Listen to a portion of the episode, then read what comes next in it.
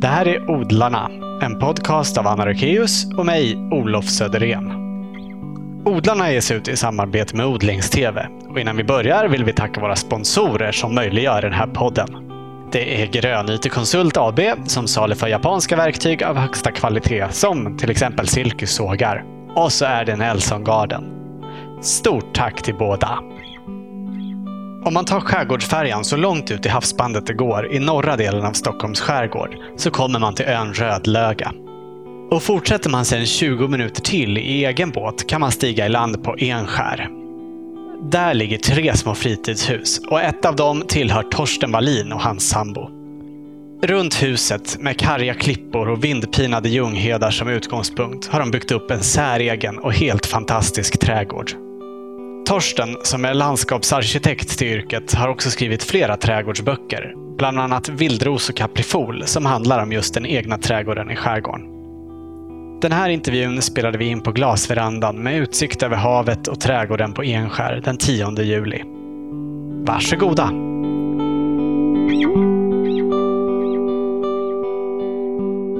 Jag har förstått att du kom hit första gången på 70-talet på grund av att din sambos familj hade ett ställe här som ni fick ta över. Hur kände du då inför att anlägga en trädgård på den här platsen? Ja, från början så som landskapsarkitekt då, då, så tänkte jag mer på att naturen var så enormt vacker med ljunghed och vackra träd. Och så här borde det väl vara läge för ett sommarställe där man inte har en trädgård utan att det är bara naturen som går ända fram till huset. Det var väl första tankegången. Men sen var det under det att eftersom vi snickrade till det här huset själva och började rota i marken och avverka några träd för att få rum i huset och gräva. Och grävde i det här kärret bakom där man såg då att det var blålera i botten, ett moränskikt över det och sen sumpjord. Då började mina tankar snurra att här finns ju massa förutsättningar. för Alltså jag hade ju trädgårdsinstinkt och trädgårdsintresse inom mig och det här med växterna. Och då började jag ju se möjligheter när man väl började bearbeta marken här. Och sen så är det ju alltid så när man håller på och bygger så stör man ju och river upp bus, enbuskage och det blir ju aldrig riktigt snyggt efter en byggplats. Så att det var ju tvunget att läkas ihop. Och det var under husets byggnation då, som skedde under sex år då liksom såg jag ju hela det här med att kunna skapa en trädgård under den tiden. Även om man inte gjorde så mycket utan man höll på att snickra hela tiden. Så att där ändrade jag ju uppfattning. Mm.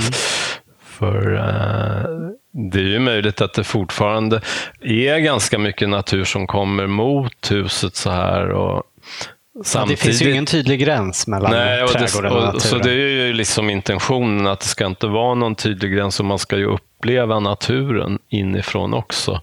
Men sen blev det sådana här mänskliga saker, att man vill ha stigar och lite plana ytor att röra sig på. Så att, eh, och då börjar man den där instinktiva att anlägga. Så att där var egentligen huvud tanken jag hade att man skulle först och främst läka ihop såren och sen kanske också ta nytta av naturen som den såg ut och använda det som en del av trädgården eller husets närhet och att man kunde komplettera med sådana växter som hängde ihop med den här naturtypen. Mm. Och framförallt i det här läget då, där det är både blåsigt och torrt så fick man ju noggrant tänka på vilka förhållanden som de kunde trivas med. Och då var det också en bra tankegång tyckte jag, att man tittade lite på vad som växte på ön. Och då kunde man ta trädgårdssläktingar till de här växterna som redan fanns här och det var på ön växte det idegranar och då kunde man ju plantera idegran. Det växte väldigt mycket ljung från Erika-släktet och då kunde man tänka sig plocka in surjordsväxter som trivs under samma förhållanden. Vet du vad det är för zon här? Ja, det är zon 3. Och eh, ni kan ju nästan se på den här kartan att Just det, det, här gråblå området är ju upp över Norrtälje här och strax norr om Norrtälje så är det ju bara zon 4. Mm. Så att det ligger på gränsen till relativt milt. Men ni ser, allt det här gröna, det är ju zon 3. Just det. Och eh, sen kommer Stockholm och inåt Mälaren, lite mildare då. Men här tror jag att det är väldigt eh, bra klimat för växtlighet för att havet har ett gynnsamt inflytande. Och sen det som är eh, det utsatta här, det är nog hårda vindar. Och, men så fort man har en dalgång eller ravin eller några skyddande berg, då blir det med en gång väldigt bra zon tror jag. Mm. Vill du beskriva trädgården och dess olika rum? Ja, den här tomten är ju lite speciell då för att eh, havet ligger ju ganska nära 20 meter ifrån och det är en förkastningsbrant. Så att i samband med att de här geologiska sakerna hände så bildades det dalgångar och raviner Ja, i berggrunden. Stora sprickor i berget. Sprickor, ja. Och där finns det skyddade miljöer där man kan ha trädgårdsväxter. Och eh, Sen så består större delen av berg egentligen och sen det som är vegetation är ljunghed. Sen finns det då lite längre in på ön och bakom huset ett alkärr som är alltså instängt sötvatten eh, omgivet av eh, ar, klibbalar. Och då, så huvudintentionen har varit att spara de här olika naturtyperna. Så att den här ljungheden och berghällarna, det fick bli stenparti och torrhets och solälskande växter. Och sen på husets skuggsida där vi har klibbalarna, då är det ganska stora bladväxter och ormbunkar.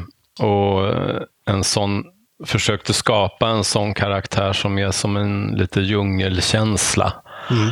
Sen finns det lite funktionella gångvägar till brygger och så. Och där har vi försökt att skapa gläntor och röjt för att få gångstigar och öppningar. Sen i en, en av ravinerna där det är sol från morgon till kväll och där det finns lite fuktighetshållande jord i botten på dalgången har varit idealisk för ett köksland och odla grönsaker. Ni har gjort som upphöjda bäddar där. Ja, det, alltså, själva köksträdgården är uppbyggd så, så att det är stenblock som ligger och kantar en liten bäck som rinner igenom köksträdgården och då är det uppfyllt med jord bakom de här, så det är ungefär 40 centimeter djup jord ungefär.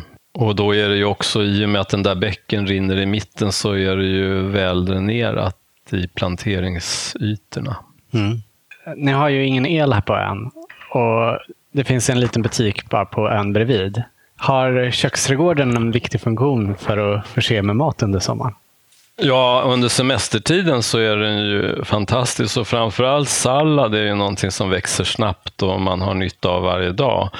Och även potatis är ju väldigt bra att ha den perioden och persilja, gräslök och kryddväxter som timjan och salvia har ju varit till stor nytta i köket här så att eh, Mm. det betyder en hel del. Men det är ju såklart att det är ju en, en begränsad period, så det är ju juli, semestertiden och augusti. Sen på hösten så mognar ju vindruvor och svarta vinbär och sånt och det är ju alltid välkommet. Tidigt på vår, eller försommaren så har man ju rabarber då som man kan göra rabarberpaj. Har du någon favoritgröda i köksträdgården? Ja, det är väl egentligen ja, bladpersilja och eh, olika salladssorter. Mm. Är det det som växer bäst här också? Uh, ja, det får man säga. Även om morötter går bra också. Och det, det kom ju lite senare då. Och även vindruvorna är ju spännande. Ja, Den ser ut att triva väldigt, väldigt bra. Den har täckt upp en hel bergvägg kan man säga. Ja, och jag tror också där att alltså, vindruvor är ju väldigt torktåliga. Men samtidigt att den blivit så stor, det är nog att det går den där lilla bäcken eller fuktstråket som rötterna måste ha sökt sig för att få vatten för att kunna växa till så stor som den har blivit. Vad är det för sort? Ja, det är en sån här staketdruva heter det och det är ju en jag tror att det är en kanadensisk eh, korsning mellan vildvin, alltså den här klätterväxten, mm. och vanlig vindruva. Och Den här sorten som jag har, den heter silga och eh, får blåa druvor som är ganska söta i smaken, god smak och det blir väldigt rikligt. Så att ofta så hinner man ju inte med att äta alla druvor. Så att det som jag brukar göra det är väl att jag kör i sån här råsaftcentrifug och gör juice av det. Men då måste man ju ta med det till Stockholm. Just det, tack för vare elbristen. Men om vi återgår till själva planeringen av trädgården. Jag har förstått att samspelet mellan hus, natur och trädgård är viktigt för dig. Ja, jo, för det, det var väl just när vi planerade det här huset så var det ju hela tiden med tanke på både utsikter och vad det skulle vara för trädgårdsdelar från de olika rummen som man tittade ut på. Och eh, som sovrum ligger ju mot den här eh, lite skuggiga lunden och det är ju för att inte få så där varmt i sovrummet och, och vända bort från västersolen på kvällen så att det ska vara lite svalare och behagligt. Man kan få in sval luft. Och eh, sen då den här stora glasverandan mitt på huset, den vetter ju då mot en av de pampigaste ravinerna som ja. leder ut mot sjön och havet. Mm. Så, och även fantastisk väst, utsikt här. Västerut är det ju med väldigt vackra solnedgångshimlar och så där man kan sitta och titta på på kvällarna. Så det var ju väldigt viktigt. Och sen köket är ju också där man är mycket är, där har man utsikt över blomstergården med alla blommor och så. Så man ska ha fin utsikt när man står och diskar också? ja, just det. Ja, det, det är många sådana tankegångar. Nej, men så ett hus, är, alltså trädgården talar man ju ofta om att det är olika rum, mm. trädgårdsrum. Och det är ganska bra tycker jag, för att i det här fallet då, där det är natur, då är det ju inte så klara. Men det, här är det de olika naturtyperna. Ibland kan det vara ett berg som begränsar eller en befintligt enbuskage. Så det är någon sorts struktur som växer vidare ut från en husplan med dess rum. Att ja. Det är någonting som hänger ihop, enligt mig. Ja. ja, men det är verkligen det. Men jag tycker det kan vara så svårt att se det där i förväg, liksom vad som skapar ett rum. För det behöver inte vara att man gränsar av det med en mur eller en häck eller någonting. Utan det kan ju verkligen kännas som olika rum fast det är helt öppet Ja, emellan. just det. Man kanske kan kalla det för olika karaktärer eller när det är en sån här natur Mm. Ja, Trädgård, då är det ju olika naturtyp som får bilda de olika karaktäristiska. Ja. För det behöver ju inte vara, som du säger, väggar eller så egentligen. Nej. Så därför kanske rum är lite sådär begränsande begrepp. Mm. Har du några generella tips om man vill skapa rum, sådär, hur man ska se möjligheten att dela av sin trädgård på olika sätt? Ja, det är ju alltså en vanlig trädgård på en lite mindre yta kan man ju få att kännas större genom att göra flera rum. Och där är det ju bra då att man med hjälp av växtlighet skärmar lite av det som händer runt hörnet. Och då får mm. man ju en känsla av att man går in i flera delar. Mm, och det man känns, ser alltihop. Man ser inte alltihopa på en gång. Nej. Och det är ju inte så dum idé tycker jag. Och sen i, i den mindre trädgården så är det ju bra med pergolor, det kan vara plank, det kan vara häckar och det kan vara bara friväxande växter som delar av. Också att man kanske skapar olika karaktärer i de olika rummen, att de har olika funktion.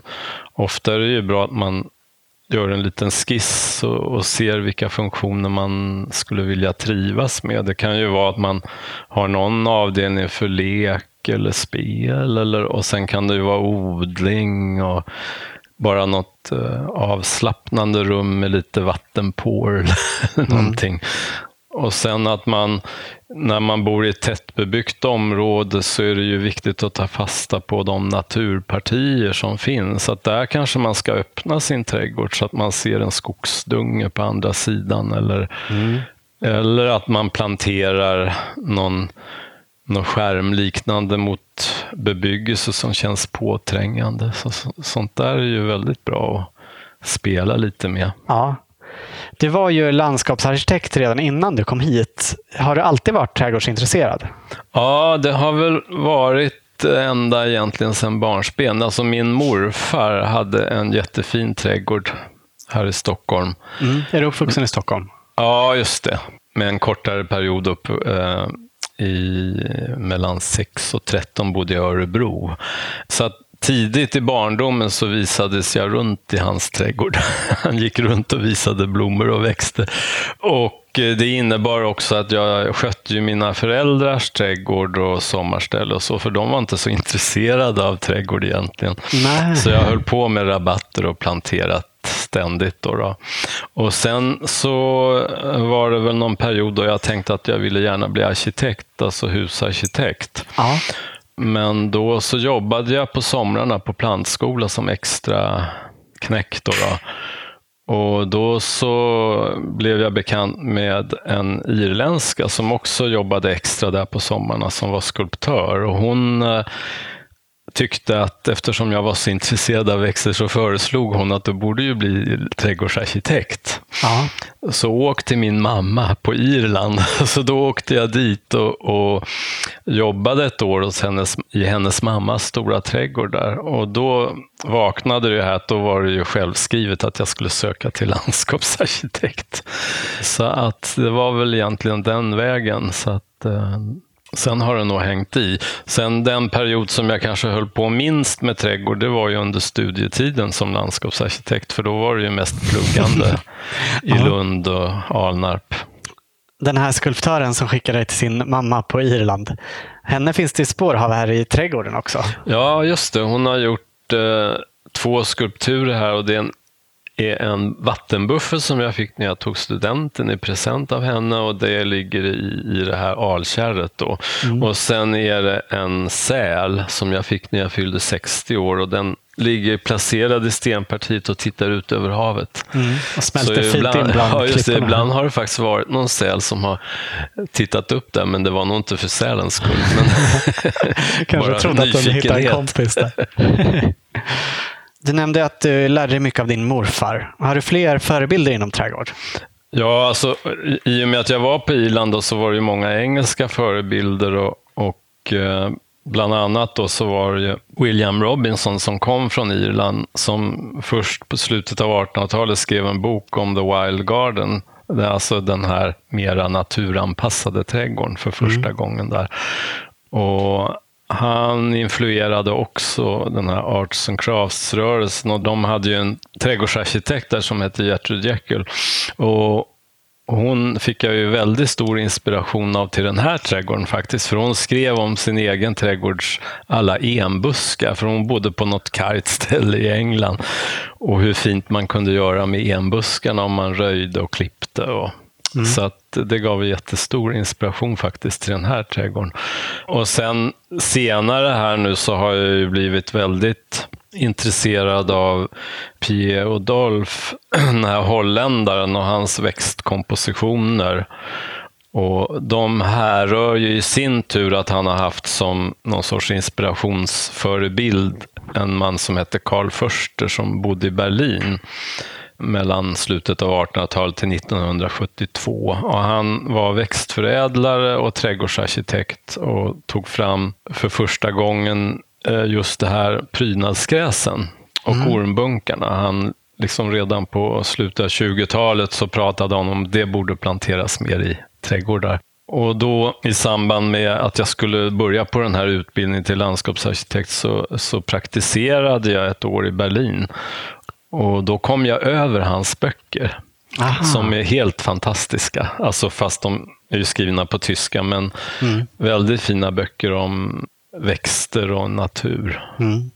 Du har ju faktiskt döpt en del av din trädgård efter honom också. Ja, just det. Så han har fått ett namn här på en växt som heter ett tuvrör som heter Calamagrostis acutiflora Karl Förster och då står den framför en av mina terrasser i en av ravinerna här och, och den terrassen heter Karl Förster-terrassen så det mm. låter väldigt pampigt. Ja. är det här din första egna trädgård? Ja, det är det. Jag har haft, eh, när jag pluggade så hade jag faktiskt odlingslotter. Ja. I Alnarp. Så, och sen, det var väl egentligen de första egna. Vad, gjorde, vad odlade du där? Ja, det var ju främst eh, grönsaker, potatis, morötter och de här standard. Som fattig student så ville man ju dryga ut. är trädgården dina domäner eller är din sambo intresserad också? Ja, det är väl vi bägge intresserade, fast kanske det här med växtval och, och så, det hör väl till min sida då. då. Men äh, min sambo klipper ju de här alarna så att de ser fina ut och håller på och trimmar gångvägar och ängsmarker. Så att vi håller ju på bägge två. Ja. Du jobbar som sagt som landskapsarkitekt. Vilken typ av miljöer jobbar du med? Det är ju väldigt vitt spridda miljöer. Varför?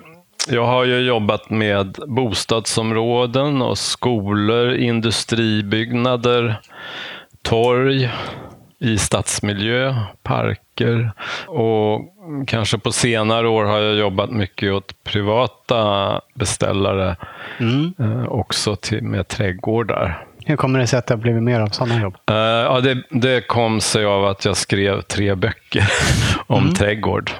Så att folk så, kände igen ditt namn? Ja. Har du gjort andra platser som liknar den här?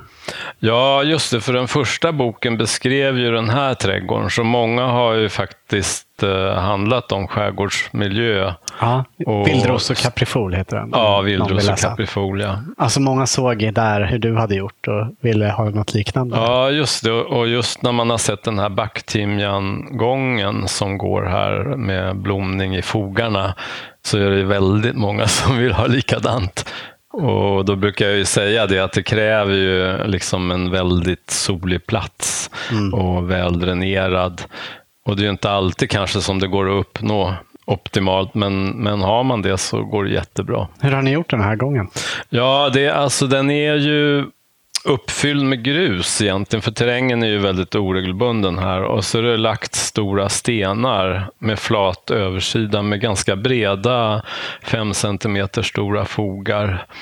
Och i dem så har man då faktiskt planterat plantor och tryckt ner. Och sen så fyllt fogarna med sandblandade, ungefär 50 procent jord och 50 procent sand. Och då växer snabbt backtimjanen ut. Och efter ett tag då så bildar de som en rotmatta under stenarna och det är det som jag tror gör att de överlever fint i en sån här plattbelagd yta. Att eh, säkert är det så att de får sitt vatten genom att solen skiner på stenen på dagen och då kondenserar det säkert lite vatten på undersidan av stenen. Just det.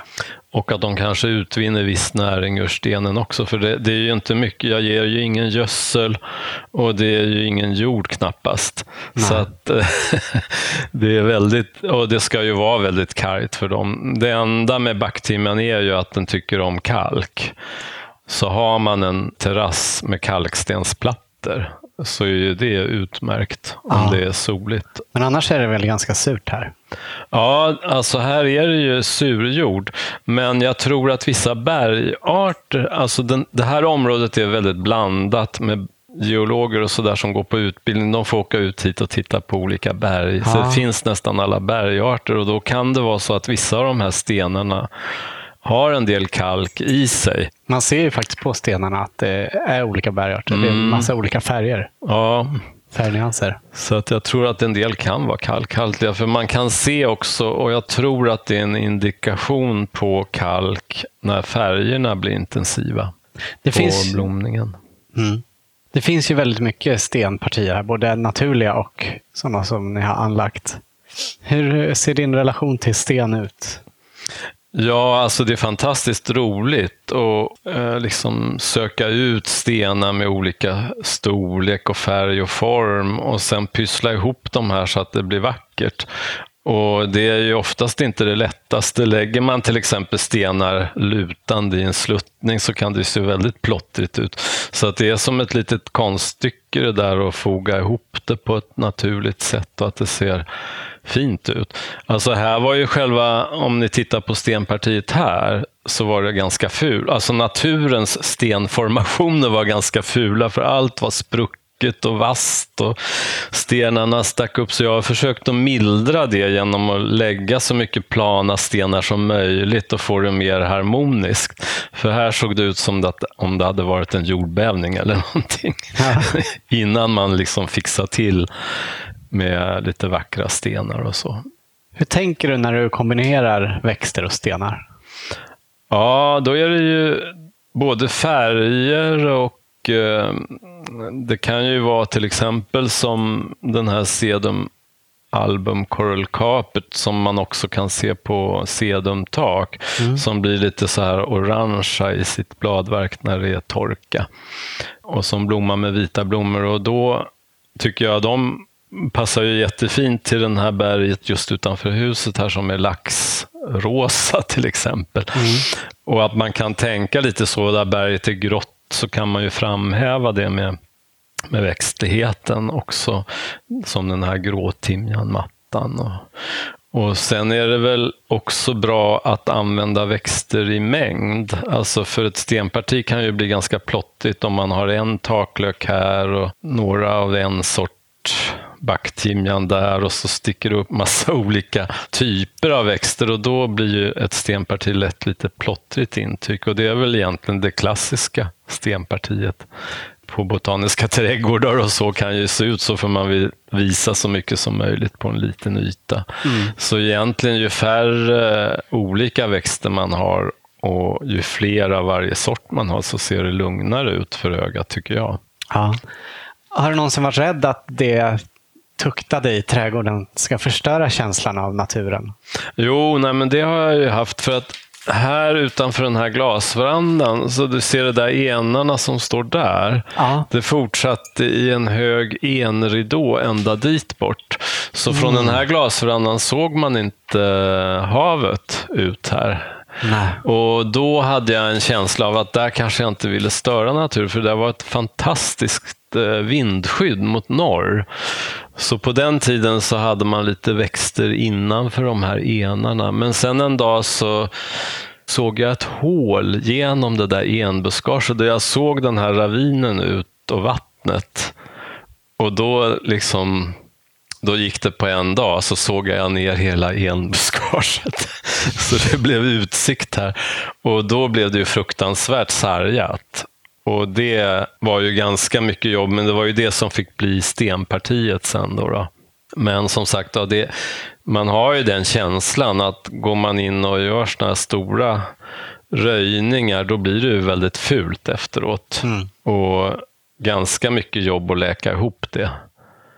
Så att där var det ju många år som det bara var det här enbuskaget utanför. När man stod upp såg man ut över sjön, men när man satt ner såg man inte Nej. utsikten. Hur lång tid tog det sen efter att du hade tagit bort dem innan det såg fint ja, ut igen? Ja, det kanske, man höll väl på här det, eh, två somrar för stenarbeten och göra den här Karl terrassen och trappan ner där och sen att plantera. Så det var nog en tre, fyra, fem år faktiskt som blev till ett trädgårdsarbete. Dessförinnan, om man inte hade gjort det så kanske man kanske hade klippt enarna eller någonting.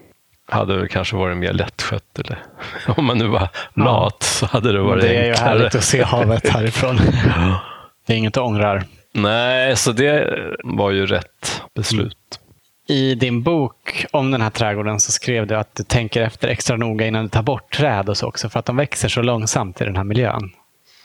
Ja, det stämmer. Och eh, det är ju så att eh, det blir ju väldigt stor eh, effekt när man tar bort ett träd och det vet man aldrig riktigt innan hur det ser ut efteråt. Och därför har jag varit väldigt noggrann med att inte ta för många träd samtidigt. just i de här utblickarna. För att eh, träden i förgrunden bildar ett slags djup i bilden och som gärna kan bli lite platt bild ut över havet om alla träd är avverkade. Så därför tycker jag man ska överväga ganska noggrant innan man tar bort. Sen den här alkärret, där har jag ju inte tagit bort för det är ju den naturtypen. Och tar man bort dem då så kommer det ju någon annan vegetation istället. Någon slyväxt av alarnas stubbar eller något annat som tar överhanden eller att kärret torkar ut. Så att där har jag behållit dem för att behålla en naturtyp. Sen där alar har skymt utsikten men man har velat ha dem kvar som vindskydd. De skymde ju sikten ut till farleden här och, och då istället för att ta bort dem helt och hållet så har vi liksom klippt dem på låg nivå så man ser över dem från huset. Men samtidigt så bildar de en slags vindskydd och dekoration också för de blir ju väldigt fina när man klipper dem. Just det, det ser ut som formklippta buskar nästan. Ja, de får ju också ljusare grönska än normalt. Och ner till köksträdgården så har vi ju klippt det som en portal. Man går som en tunnel ner. Så man kan göra mycket med, med de vilda ja, växtligheten. Hur mycket tänker du i allmänhet innan du gör saker i trädgården? Är det liksom, nu gör jag något här, eller jobbar du utifrån en långsiktig plan? Eh, alltså jag gör ju kanske tvärt emot mot vad jag gör på jobbet. För på jobbet ritar jag och skissar allting och gör ritningar hur det ska bli. Men här har jag tyckt det varit avkopplande att bara göra det i sin egen tankevärld istället. Så att jag har egentligen inte ritat något utan allting sker som tankegångar när man går runt i trädgården och tittar eller i terrängen. Ja, det sitter en ritning precis bakom dig på väggen här av trädgården. Ja, just det. Har, den tillkommit i efterhand? Ja, den har tillkommit i efterhand. Så den gjorde jag i samband med att jag skrev den här boken Vildros och Caprifol. Och då hade jag en arbetskollega, hon var mätingenjör, som var med här och mätte in ah. trädgården och nivåförhållandena. Så alltså, vi gjorde en sån där grundkarta först som visar terrängen här och sen så illustrerade jag den så som trädgården såg ut då i det tillfället. Mm. Hur stor är trädgården ungefär? Ja, den är väl kanske 100 gånger 100 meter. 10 000 kvadrat. Ja, just det. Och sen är det väl så att stora delar, alltså jag brukar ju säga det, att 70 procent är nog natur av det. Och ja. 30 procent är trädgård eller anlagd yta. Så det är naturen som överväger med bergytor och, och vild vegetation. Hur lång tid tog det då från att du hade börjat tänka under den här processen när ni byggde huset till att det var en trädgård? Att de här olika rummen fanns? Och... Mm. Det måste ha tagit ungefär 12 år, tror jag. Det var nog i början av 90-talet som de här rumsbildningarna och, och, så som det ser ut idag fanns. Ja. Så det var ju då, det kanske tog sex år att bygga och så se, parallellt där höll man ju på med trädgården i alla fall och så sex år till. Så det var ju semesterprojekt att bygga alla stengångar och sånt där. Hur många sådana här stora stenar flyttar ni på en dag? Ja, alltså jag kommer inte ihåg, men alltså man nog bar man kanske ett tiotal sådana där för att göra plattbeläggningar. Och sen inkluderade det tid att man provade sig fram hur de skulle ligga i förhållande till varann. Och gruset under och sånt där också. Har du en gissning om hur många ton sten ni har flyttat? Nej, det har jag ingen aning Det vet jag inte. Kommer all sten härifrån eller har ni fraktat hit från andra ställen? Nej, utan allting är ju faktiskt från hur man har grävt under husen här och skapat planteringsytor och spettat upp. Vi spettar ju fortfarande upp sten och stenar dyker upp i gräsmattan som vi måste spätta. De fryser ju upp. Mm. Så till slut så måste man ju pillra bort dem och så blir man glad då när det är en Oj, vad vacker den här var och, och slät stor yta på ena sidan. De, av någon anledning så är faktiskt de flesta stenar man gräver upp här har en platt yta. Och det är ju väldigt användbart att bygga gångytor av faktiskt. Ja. Som vi nämnde i början så är det ju kanske inte den allra lättaste stället att odla på här, för det är rätt stenigt och blåsigt och sådär. Och det finns ju inte så himla mycket jord på de här klipporna. Hur gör ni för att få tillräckligt att odla i? Ja, alltså det är ju Eh, de här aldungarna här bakom huset så är det ju faktiskt halv meter djup sån här lövmylla under lövträden. Så det har jag ju dragit nytta av.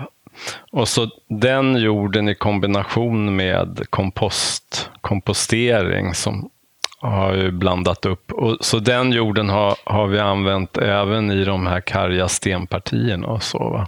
Eh, så att det bygger mycket på den här komposten faktiskt. För att just den här lite lövmyllan som är lite torvmullshaltig också från de här ormbunkarna, den på något sätt sjunker ihop ganska snabbt när man börjar odla i den.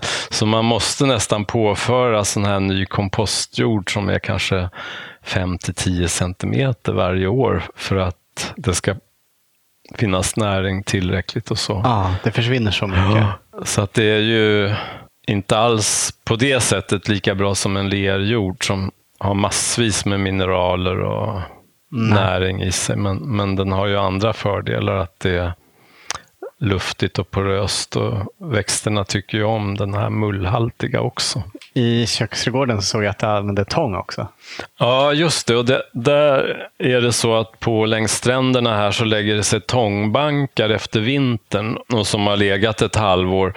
Och så på våren har de torkat upp och då kan man plocka upp det där och ha som täckmaterial. Och framförallt då kanske på potatisen, för då kan man plantera potatisen i jorden eh, ganska grunt och så lägger man på kanske 2-3 decimeter sån här torkad tång uppe på och då behöver man inte kupa klippa, utan då är det bara att lyfta på tången så ligger potatisen färdig. Praktiskt. Och sen i och med att tången är så kväverik så brukar jag inte mylla ner den i jorden, utan då lägger jag den hellre på komposten och så får det gå till de andra trädgårdsväxterna.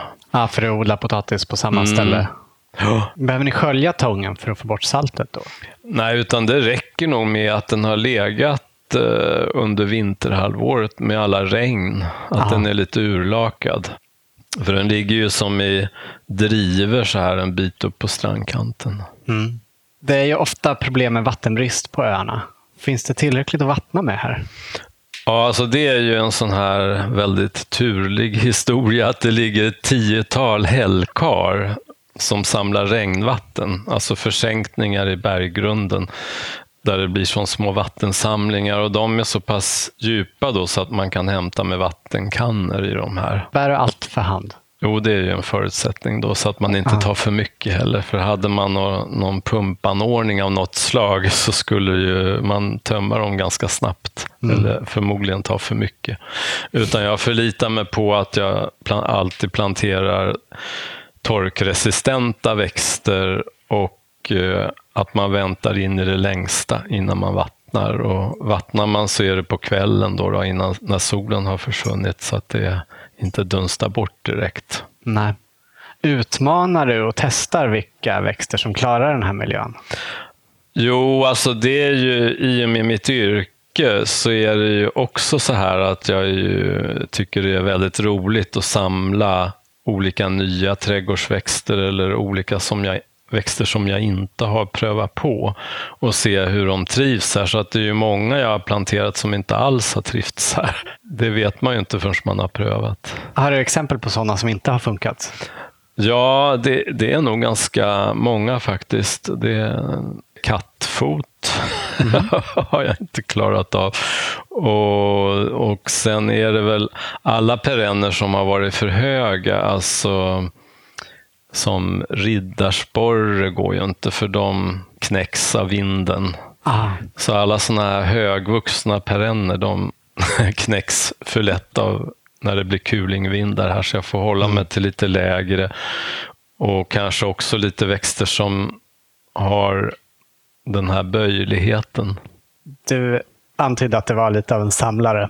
Vet du hur många planterade arter och sorter du har i trädgården? Ja, alltså jag, jag för ju faktiskt en sån där dagbok. Eller jag skriver upp varenda gång jag planterar en växt och så markerar jag det på kartor så jag ser var de är planterade. Och mm. där tror jag jag är uppe i faktiskt 840 ja. olika saker.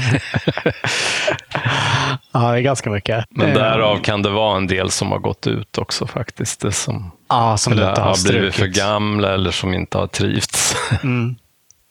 Har du några tips, eh, säkra kort som eh, funkar i sån här miljö? Ja, alltså det absolut säkraste på karga och soliga platser är ju olika taklökar och sedumarter. De tål ju torka väldigt bra. Mm. Är, är själva utmaningen eh, en del av charmen med att odla här? Ja, det tror jag säkert eftersom det också är lite mer intressant då att en del stormtrivs av växterna med de här lite karga och eh, blåsiga förhållandena. Och då se att de trivs med värmen och utvidgar sig och blir mer, det, det är jätteroligt. Så att det är nog som du säger att det är en utmaning också det här att pröva och testa. Finns det någonting som du väldigt gärna skulle vilja odla men som inte är någon idé att försöka med? Ja, det kanske är växter som är lite sydligare. Mm. Fast å andra sidan så finns det ju då eh, ganska många ersättningar som påminner om, om de växterna. Som till exempel rosmarin är jag väldigt förtjust i, men då får man ju inskränka sig till kanske att ha en kruka över sommaren helt enkelt.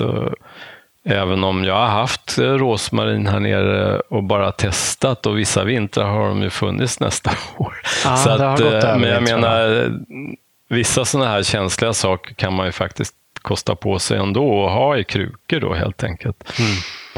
Så nej, jag tycker utbudet är så stort i växtvärlden och det som finns inom trädgårdsvärlden så att det är ingen sån där att det är brist. Nej.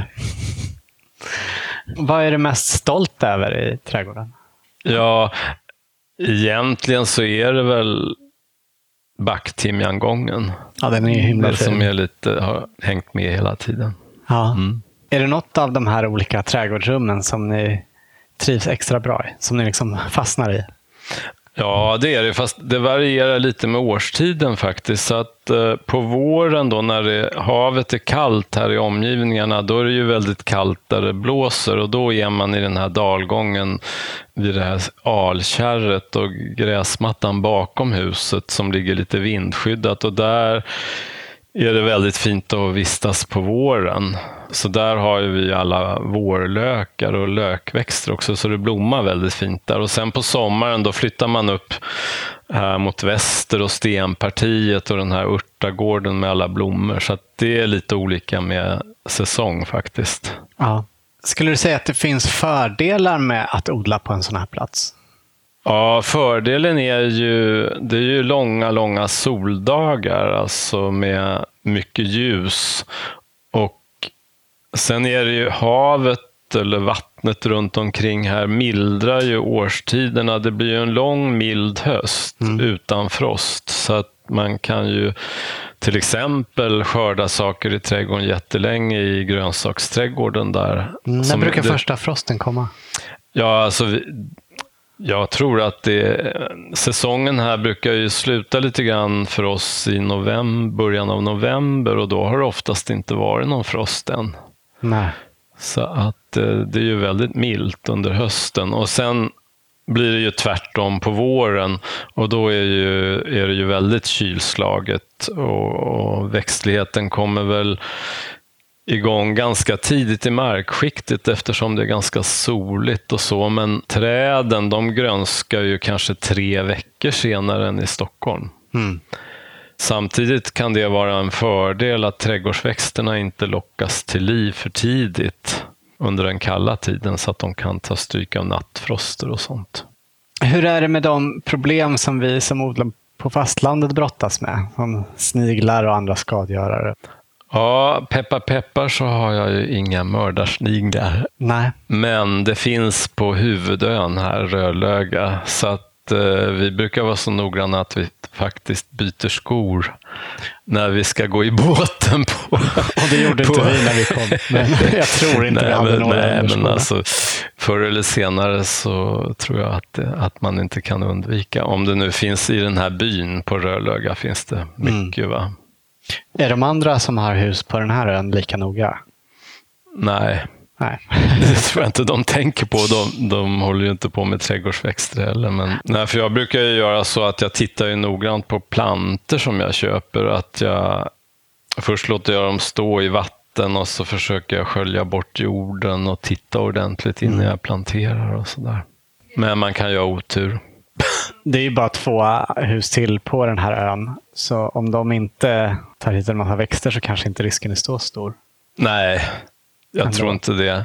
Samtidigt, de, här brukar det komma lite sådana här trädgårdsföreningar på besök och titta och då brukar jag faktiskt säga till Ja. att de får titta ordentligt under fötterna innan de kommer in. ja. Hur är det med andra skadegörare? Vilka är de värsta du har tampas med? Ja, det är väl de här vanliga, alltså det är ju bladlöss och såna här, äh, vad kallas de, kolfjäril eller såna här äh, snig, småsniglar kan äta på salladsblad. Det kan komma såna här, vad de nu heter, de här spott som bildar som lite spott runt just sig, gröna och sitter och suger. Men det är inte så allvarligt. Alltså, jag tror att, att man är skyddad här av att djurriket är så mångfaldigt. Alltså det är ju både paddor och grodor och olika såna här som håller lite jämvikt på de här sakerna. Kommer det rådjur hit ut också? Ja, rådjur och älgar har ju varit på besök. Eh, Älgarna är väl de som har gjort mest skada. Och det är väl vissa år, de simmar ju ut. Och. Eller kommer Det är via rätt långt is. att simma. Men det är ganska långt. va. Men de kan nog komma på is när det isvintrar och bli kvar här på Rödlöga. Det är ju flera öar, så de simmar ju mellan öarna här då. Ja. Så det är väl älgarna som... Rådjur har ju inte varit så mycket, får jag ju lov att säga. Skönt. Utan det är väl mer att man har hittat något dött rådjursskelett. De klarar sig väl kanske inte så bra här över en vinter, men älgarna eh, har ju klarat sig bra här. Vad har älgarna gjort för skada här i er trädgård? Jag hade en Magnolia obovata som de åt upp hälften av och knäckte Nej, mitt tråkigt. på. Och sen så var det en ullungrönn. Den hade de käkat upp all bark på så den är bara liv en meter högt över marken. Så det får bli en buske sen. Då, då. Och eh, Däremot så åt de också rhododendron.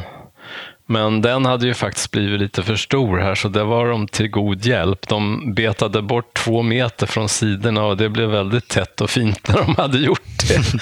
Som att man har beskurit den. Ja. Ni bor ju inte här året runt. Hur mycket är ni här ungefär? ja, det är när båtarna från stan börjar gå, oftast vid påsktid i mitten Mitten av april är det annars som de börjar. Och sen eh, sista båtarna som går ända in till Stockholm är allhelgonahelgen på hösten. Så att eh, de flesta veckoslut är man ju här och så sommarsemestern. Hur klarar sig trädgården utan dig när du inte är här? Då? Ja, alltså det, det märks ju direkt om man är borta några dagar faktiskt. Ja. Eller jag vet, det är svårt att sätta ord på, men har man inte varit här på en vecka, då märks ju det direkt. Att det är lite övergivet. Hur länge lämnar du trädgården? Ja, på sommaren så kan det väl högst vara en vecka. Däremot under hösten och sådär, då kan det ju vara långa perioder. Och tidiga våren också. Så att det ligger ju som i en dvala under hela vintern här. För det är ju, jag brukar kapsla in till exempel buxbomskloten med säckväv och det känns ganska inkapslat och sätta upp lite skydd mot älgar och sånt där.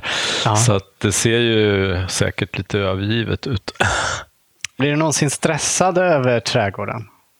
Nej, Är det bara kan jag kul? inte säga. Ja, jag tycker bara att eh, det är ju ingen fara. Till exempel om man skulle behöva vara borta en sommar så då kan man ju komma tillbaka året därpå och starta på nytt. Så det är ju ingen sån där katastrof. Och naturen har ju sin gång så att säga. Man vet ju vad som händer. Det växer till sig på alla håll. Ogräs och gräs. Och...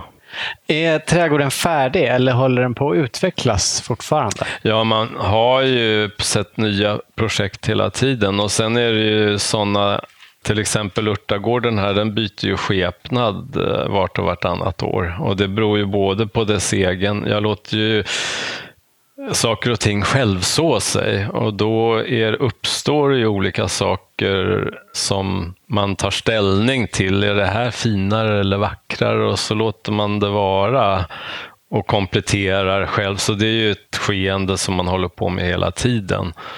Däremot så är det ju inte så där att man hela tiden vill utvidga, utan att jag försöker förbättra det som är. Mm. Och det kan vara nya projekt, att man bygger någon spång så att det är lättare att gå eller någon trappa som, där det blir lite behagligare att ta sig fram. Sen kan det ju vara växtkombinationer. Ibland är det växter som man har planterat lite för nära där man går. Och ofta blir det ju så här ute där det är så torrt, för man måste ju kunna vattna växterna, så därför sätter man dem inte så långt ifrån gångmöjligheterna. Och då kan det vara att de har blivit för stora och det blir inte så snyggt att bara beskära för mycket. Och då kanske man planterar något nytt och prövar nya buskar och nya växter. Och sen kanske en växtkombination att man har tröttnat på och då är det ju jättespännande att välja ut något nytt där. Mm. Så att man har nog hela tiden olika typer av projekt på gång i en trädgård för att det ska vara roligt. Vad är på gång just nu då? Ja, nu är det ju en, ett litet trädgårdsförråd som också ska fungera som till hälften växthus. Så det är med glas åt alla håll så att man kan ha både växter från balkongen i stan och rumsväxter som man inte kan bara lämna på semestern. Och eh, sen ska det vara alla fina trädgårdsredskap och lite sådär mysig känsla där inne och lite fikabord och så. Ja. Och I samband med det så blir det också en ny en sån här trädgårdsträspång som man kan gå runt huset. Ja. Vi brukar ju alltid avsluta varje intervju med att våra medverkande får ge sitt bästa odlingstips. Mm. Vilket är ditt bästa? Ja, det är ju att titta på naturen som den är. Alltså att man väljer växter efter de naturliga förutsättningarna helt enkelt. Hellre det än att man gör något konstlat. Tack så jättemycket för att vi fick komma hit och för att du ville vara med. Ja, det var kul att höra alla era frågor tycker jag. Det var intressant. kul att höra dina svar. Oj, vad nära han gick. Han seglar väldigt nära. Det är djupt där så det går att gå nära.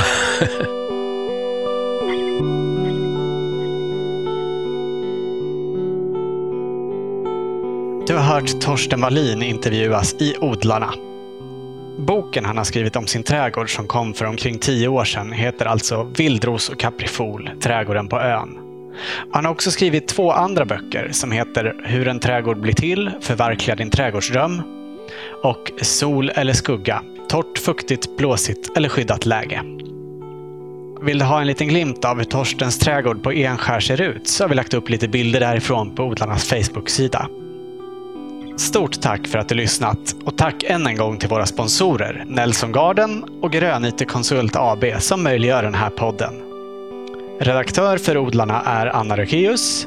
Jag heter Olof Söderén. Vill du följa oss och vår odling kan du göra det på thewaveswemake.se spenat i stan. Ha det bra! Hej då!